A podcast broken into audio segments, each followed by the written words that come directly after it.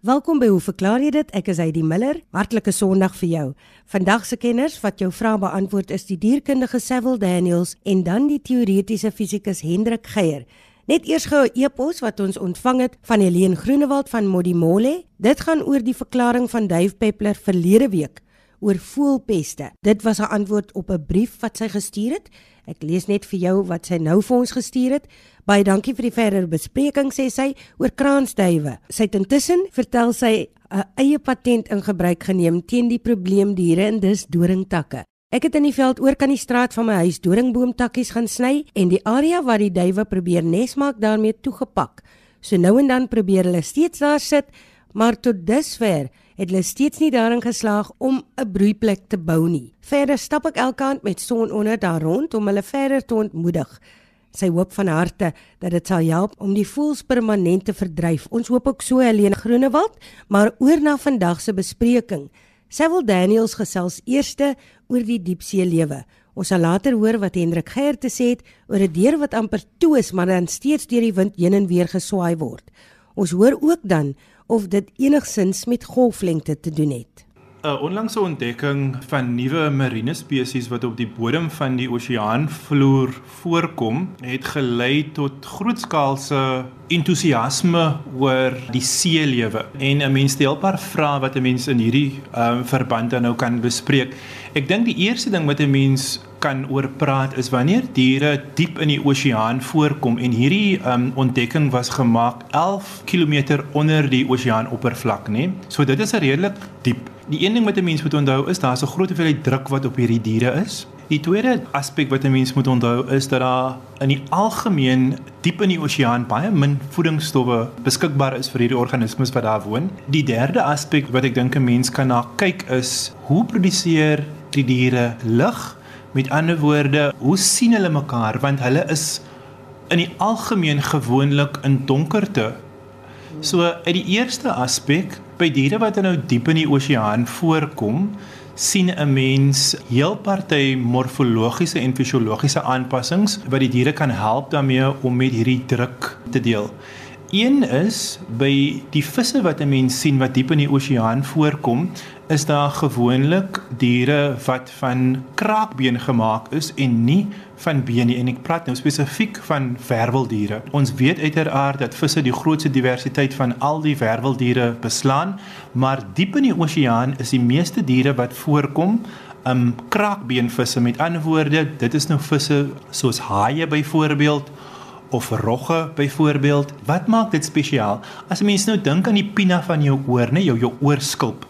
Jy kan jou oorskulp lekker omvou sonder dat dit enige negatiewe impakte op die struktuur het. By hierdie diere wat diep in die oseaan voorkom omdat hulle skelette, die endoskelet, met ander woorde die skelet wat binne voorkom wat met weefsel buite bedek is, omdat die skelet uit kraakbeen bestaan, is baie makliker vir hulle om hierdie druk te kan hanteer want die die liggaam probeer nie om die druk te probeer weerstaan nie. Die kraakbeen help tot 'n groot mate om die impak van die um, oseaanse druk van hierdie 11 km water wat bo die diere nou voorkom op te neem.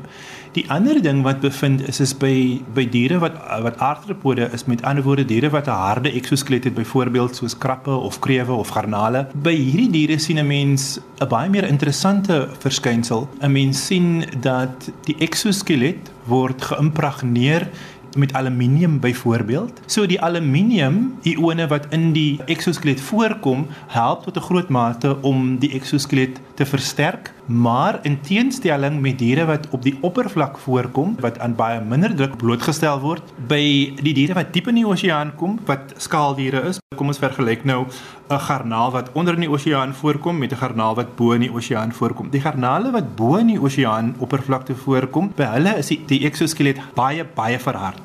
By die diere wat diep in die oseaan voorkom, is die eksoskelet tot 'n groter mate minder gekalsifiseer en die hoofrede daarvoor weer eens is omdat dit help om die impak tot 'n groot mate te probeer absorbeer van die omgewing waar dit voorkom. Met ander woorde die druk. OK, die tweede aspek is voedingsstowwe.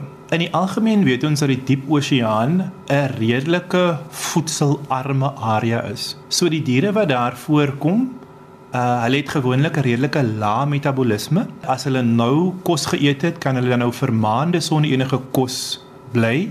En die hoofrede ook daarvoor is uiteraard dat die temperatuur baie laag daar is. So diere is nie baie metabolies aktief nie. So min kos beskikbaarheid en die lae temperatuur impliseer amper outomaties dat daar 'n laer metaboliese tempo gaan wees, maar interessant genoeg ook gewoonlik 'n baie langer lewensduur by hierdie diere. Met ander woorde die diere gaan baie langer lewe as 'n suster spesies wat byvoorbeeld in die intergetiesone sou voorkom. Die ander aspek wat dan nou ook fascinerend is, is die gebrek aan lig.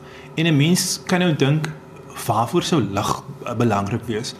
Wel, as jy jou hele lewe nou in die donkerte gaan spandeer, gaan dit vir jou 'n missie wees om 'n maat te ontmoet om te paar byvoorbeeld. En ons weet die diere plant tog voort diep in die oseaan, so hoe doen hulle dit? In die algemeen, byvoorbeeld by baie van die diepsee visse sien 'n mens die oë van die diere is redelik vergroot. Die vergrote oë help natuurlik om die maksimale hoeveelheid lig te kan absorbeer. Wanneer die oë dan nou nie vergroot is nie, sien 'n mens die teenoorgestelde. En 'n mens sien hierdie proses veral in diere wat byvoorbeeld in grotte voorkom wat ook dan nou in absolute donkerte voorkom. So by hierdie uh diere sien 'n mens gewoonlik 'n afname in die pigmentasie, met ander woorde die diere raak gewoonlik wit. Hulle oë raak totaal gereduseer. Hulle ontwikkel met tyd, met evolusionêre tyd, ontwikkel hulle byvoorbeeld langer looppote, meer sensoriese strukture sodat hulle baie makliker kan voel watter ander diere is in die omgewing rondom hulle. Maar sekerlik een van die mees interessante aspekte is die feit dat ehm um, baie van die diere wat in die diepsee voorkom Hulle kan bioluminiseer, met ander woorde, kan werklik hulle eie lig produseer en hierdie lig kan gebruik word vir twee doeleindes. Een om ehm um, potensiële uh, predator af te waak, maar twee, dit kan ook gebruik word om 'n uh, potensiële maat aan te trek. So daar is 'n groot verskeidenheid van aanpassings by diere wat diep in die oseaan voorkom. Maar ek dink met spesifieke verwysing na hierdie studie, een van die mees interessante aspekte in my opinie is die ontdekking van 'n groot hoeveelheid nuwe spesies wys vir mense dat ons weet werklik baie min van die biodiversiteit van die diepsee. Die vraag is nou maar hoekom is dit belangrik? As 'n mens nou dink aan 'n mens se selfoon byvoorbeeld, nê? Baie van die metale wat in 'n mens se selfoon gebruik word, word in 'n kategorie geplaas wat bekend is as om nou die Engelse term te gebruik as rare earth minerals.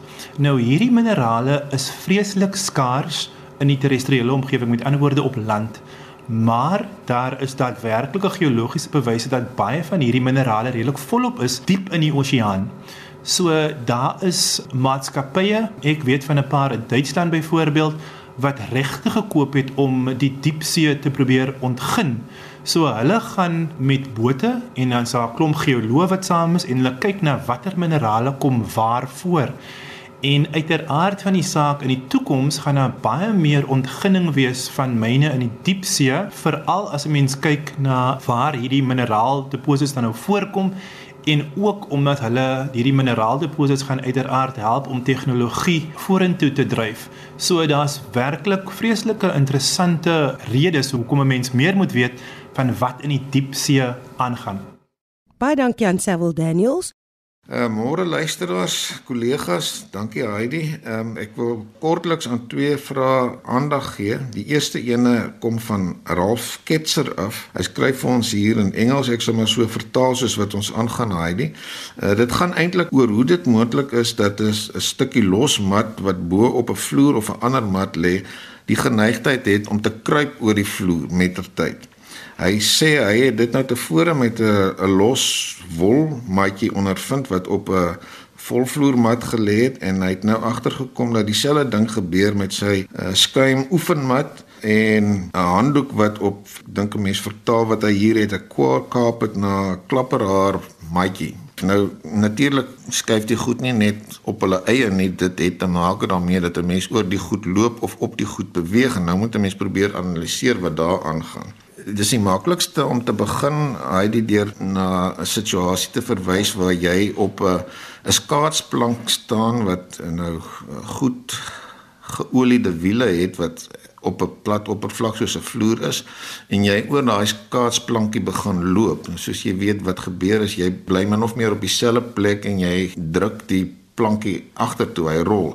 En die rede is dat die wrywing tussen jou skoen en die plankie is baie groter as tussen die plankie se wiele en die vloer. So jy druk nou op die plankie en daai wrywing stoot aan die plankie agtertoe. Nou presies dieselfde gebeur wanneer jy op 'n maatjie loop. Uh, natuurlik nie tot dieselfde mate nie en dit lyk vir my hier weet is daar ook nie 'n universele antwoord wat vir alle maatjies onder alle omstandighede dieselfde resultaat gaan gee nie. So dit het duidelik daarmee te maak dat tipiese skoensole deesdae rubberagtig is met ander woorde dat dat daar 'n redelike groot mate van wrywing is ook as jy kaalvoet is dan dan is dit geval dat uh die kontakoppervlak van jou voet redelik groot is. Dit is nie noodwendig altyd so met sole nie want hulle het natuurlik allerlei knoppies so goed, maar maar op die ou einde is dit of die wrywing tussen jou kaalvoet of die wrywing tussen jou skoen en die losmaatjie wat die maatjie gaan laat beweeg in die teenoorgestelde rigting as waarin jy beweeg. Nou sou mens natuurlik vra weet as as jy nou oor dieselfde maatjie wat ergens op 'n vloer lê elke dag heen en weer stap, uh, hoekom bly die ding nie net op dieselfde plek nie? Dit lyk vir my hier is daar een soort van mat spesifieke stukkie inligting wat dalk sou kon help verstaan hoekom die beweging net in een rigting is en dit is dat baie matte het 'n poolrigting. Dit beteken die pool van die mat, die matoppervlak het 'n oriëntasie. So die uiterste geval hiervan sal wees as as al die haartjies van 'n mat skuins in een rigting staan.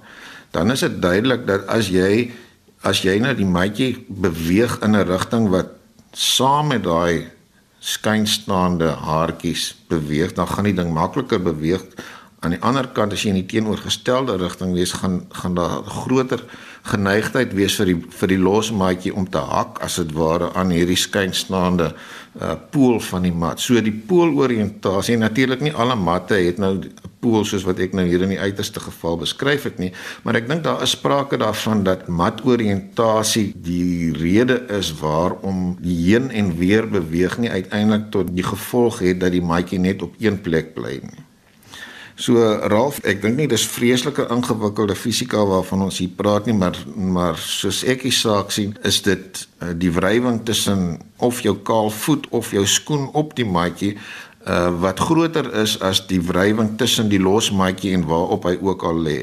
En soos ek reeds gesê het, dit beteken dat daar omstandighede kan wees waar die waar die wrywing tussen die losmaatjie en waarop hy ook al lê groot genoeg is dat dit glad nie gaan gebeur nie. En dis natuurlik ook wat handelaars wat losmaatjies verkoop verder aan jou verkoop om iets onder te sit wat in sommige gevalle selfs 'n bietjie taierig is wat voorkom dat hierdie losmat kruip uh, effek hoegenaamd kan gebeur. Hier is dan 'n brief van Henny Greef van Onderus rivier. Ek lees hom. Span ek sien gereeld hoe amper toe deur heen en weer beweeg word deur die wind. Eers toe die wind dit toe, dan na rukkie stoot hy dit weer oop. Dit beteken mos dat dit beurtelings in twee teenoorgestelde rigtings beweeg of hoe?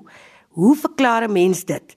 Dan sê hy ook, die feit dat dit amper volgens 'n sekere ritme geskied, laat my wonder of dit dalk iets met golflengte te doen het.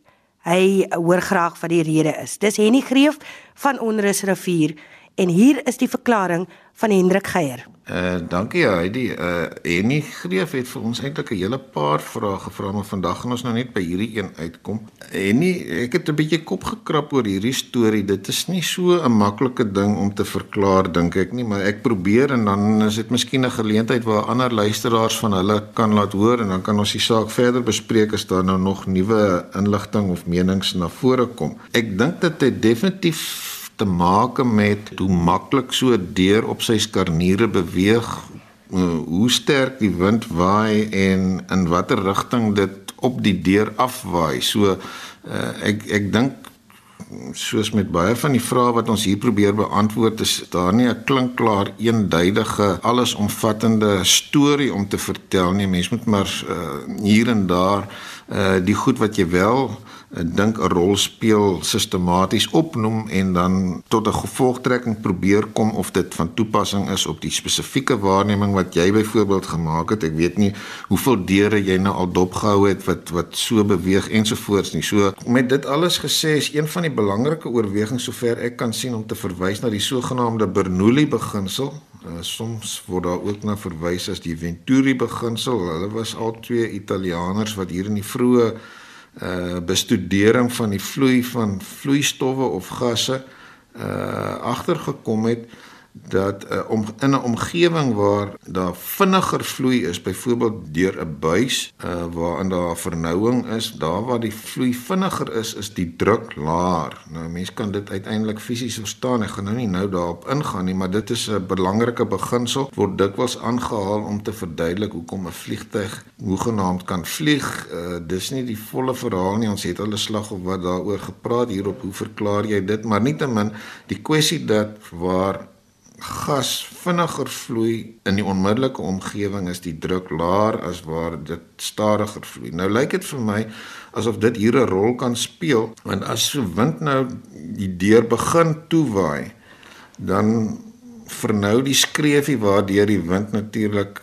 waai uiteindelik en ek kan my voorstel dat jy dan daar effens vinniger vloei het en 'n verlaging van lugdruk. Nou hang dit natuurlik af wat die druk aan weerskante van die deur ook is. So dis hoekom ek aan die begin gesê het, weet dit moet ook te maak hê met presies hoe die wind die deur tref. Uh, maar ek kan my voorstel dat daar 'n situasie ontstaan waar die wind in die deur in een rigting begin toewaai deur eenvoudig net druk op die deur toe te pas tot by 'n punt waar die lugdruk wat deur die skreefie in die omgewing van die skreefie dalk 'n bietjie laer is en dat die druk aan die ander kant vir watter rede ook al effens hoër is en dan op hierdie manier weer die deur effentjies laat terugswaai.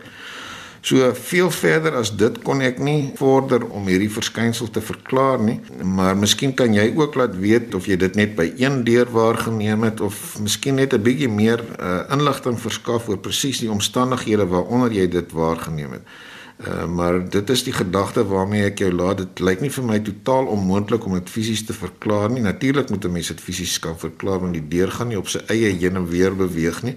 Uh, en as enige een van die luisteraars nog verder hier toe te voeg het, dan hoor ons graag. Ons sê dankie aan Hendrik Geier vir daardie verklaring. Dit is in reaksie op die briewe van Ralph Ketser en Henny Greef. Hier is wat op jou wag in staande week en hoe verklaar jy dit saam met my, die Miller? Ons kennis van die onderskepping van water deur plante kom uit 1937. Ek het professor Wicht nog geken. Hy was 'n ikoniese bosbouer wat in Oxford en toe in Duitsland studeer het en toe aangestel is as hidrologiese navorser by uh, die uh, Eertydsdepartement Bosbou. En wat Wicht gedoen het staan vandag nog as 'n wêreldbekende studie oor die onderskepping van water deur uh, plantasies. Uh as mens na sommige mense luister, dan kan jy sê dat die enigste konstante in die natuur is verandering. Nou erosie en sedimentasie vind dus gedurig rondom ons plaas. Alles is besig om te verweer. As 'n mens nou na satellietfoto's kyk van die monding van die Oranje rivier, dan sien jy so groot oranje blerts wat die rivier in die see invoer. En terloops, die naam van die Oranje rivier verwys nie na die kleur van die water nie, maar die rivier is vernoem na die prins van Oranje van Nederland. En mense sien hierdie geweldige groot hoeveelheid sediment wat in die see inspoel en wat van die land af verweer is en as gevolg van die koue Benguela stroom word hierdie modderwolk noordwaarts langs ons kus opgevoer. Enig iets oor slange is vir my altyd 'n plesier om te antwoord. Mense sou dalk dink dat die verlies van ledemate uh, is 'n probleem, maar dit het eintlik vir slange baie baie deure oopgemaak. Daai verlengde liggaam Hulle is uitstekende swemmers. Hulle kan bome klim. Hulle kan eintlik alles doen en hulle kan sweef. Ja, Yuri sê sweef omdat hulle nou in staat is om groot prooi in te sluk. Het daar natuurlik baie aanpassings in die skedel plaasgevind. Ons kry in hierdie geval nou eiervreterslange wat net eiers eet niks anders nie. Dan is daar wat paddas eet en ander wat insekte eet en ander wat wat muur larwes eet. 'n geweldige reeks van voedselsoorte wat benut word. 'n Eiervreter, hy kan 'n eier insluk wat maklik 4 maal wyer is as wat sy kop is. Dit is ongelooflik. Die die spiere van die mondholte is baie elasties en kan wyd oop en rek. Intussen kan jy vir ons skryf. Onthou, dis hoe verklaar jy dit? Posbus 2551 Kaapstad 8000 of jy stuur 'n e-pos na heidi@rsg.co.za. Ons gesels weer aanstaande Sondag om 12:30. Geniet jou Sondag verder.